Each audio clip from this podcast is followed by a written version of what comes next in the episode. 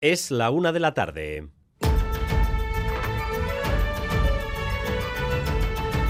Crónica de Euskadi con Dani Álvarez. A Rachaldeón, el debate político vasco se va llenando de contenido a medida que se acercan las elecciones. Después de hablar de pactos y de vivienda, ahora entra a la saca el proyecto de ampliación del Guggenheim en Urdaibai.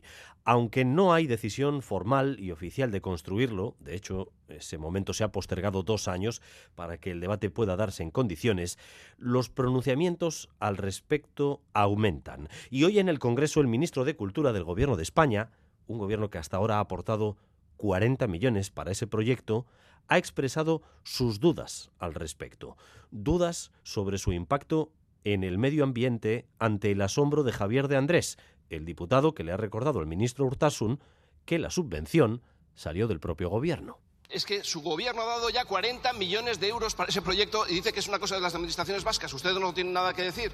¿Sabe usted que se ha rebajado el área de protección del Urdaibai precisamente para poder hacer este proyecto? Una, esta es una decisión que compete a las instituciones vascas y eso yo voy a ser muy respetuoso, pero si me pregunto mi opinión, efectivamente esa ampliación desde el punto de vista medioambiental y urbanístico genera graves problemas. Genera graves problemas, eso ha dicho el ministro de Cultura al respecto hoy en el Congreso. La Diputación de Vizcaya sigue viendo el proyecto eh, como algo que puede enmarcarse, junto con otras medidas, en un plan general de reactivación de la comarca de Urdaibai. Aunque hoy la noticia ha sido la despedida de Imanol Pradales de las Juntas de Vizcaya antes de abandonar mañana su puesto de diputado para centrarse en su candidatura a Caricha. Cuidad de esta Cámara y de esta Casa de Juntas de Guernica, símbolo de las libertades vascas y cuna de los valores más nobles del pueblo vasco. Bihotz bihotzez eskerrik asko guztioi eta gero arte.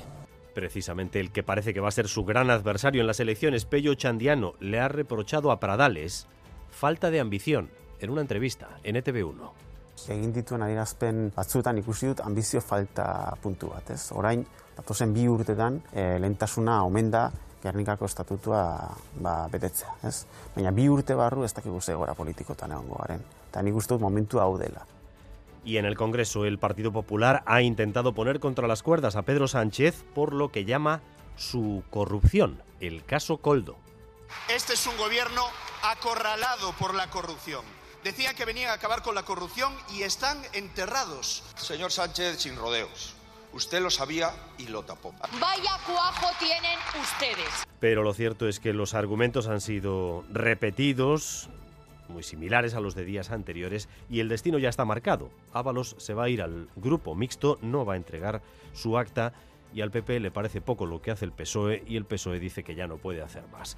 Y en Guipúzcoa, informe anual sobre la pobreza en el territorio. Guipúzcoa pasa por ser uno de los lugares más cohesionados y con menos pobreza de la Unión Europea. a Goñi. E incluso si hablamos exclusivamente de desigualdad, podemos decir que Guipúzcoa está entre los territorios del mundo con menor desigualdad. En general, los datos de la cuarta encuesta de pobreza y exclusión social de Guipúzcoa muestran una evolución positiva también en los criterios de exclusión y pobreza. Así, el 85% de la población guipuzcoana se encuentra en una situación de bienestar pleno, aunque en el otro lado de la moneda, casi el 6% vive en una situación de pobreza severa. Hay que tener en cuenta que esta encuesta se llevado a cabo en 1.500 hogares y se realizó entre finales de 2022 y principios de 2023.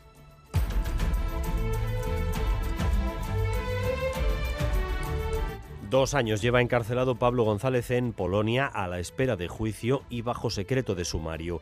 Hoy varias concentraciones han vuelto a reclamar un proceso rápido y transparente. Y transparente. Y Manuel Manterola. Desde el Congreso de los Diputados, con presencia de todos los partidos, excepto PP y Vox, pasando por la Facultad de Comunicación de la UPV en Leyo, a medios de comunicación como EITB y hasta el Ministerio de Exteriores, donde está convocada una concentración esta tarde. Familiares, amigos y compañeros de profesión de Pablo González piden respetar la presunción de inocencia y que dos años después de su encarcelamiento se celebre ya un juicio con todas las garantías. La Europa oficial se siente cada vez más desprotegida ante la pinza entre Rusia y Trump.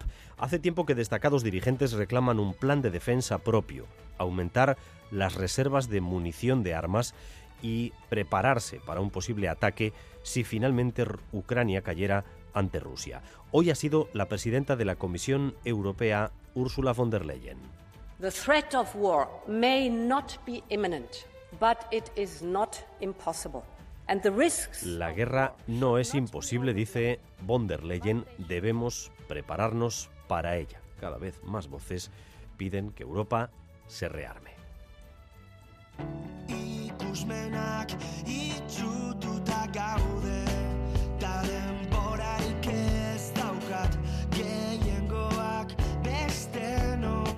Y hoy es el gran día de Gastea con sus Gasteas Sariak, premios a lo más destacado de la música en del año pasado. Por primera vez, la ceremonia de entrega se divide en dos jornadas. Esta tarde únicamente se entregará el premio a mejor artista o grupo nuevo y el resto se entregarán mañana. Las dos jornadas en el Euskalduna.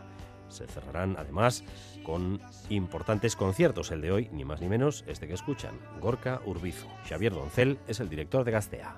Que de repente sacó un disco sin que nadie lo esperara y nos dio la opción a presentarlo en Sariak y claro, es que ¿cómo le vamos a decir que no? No?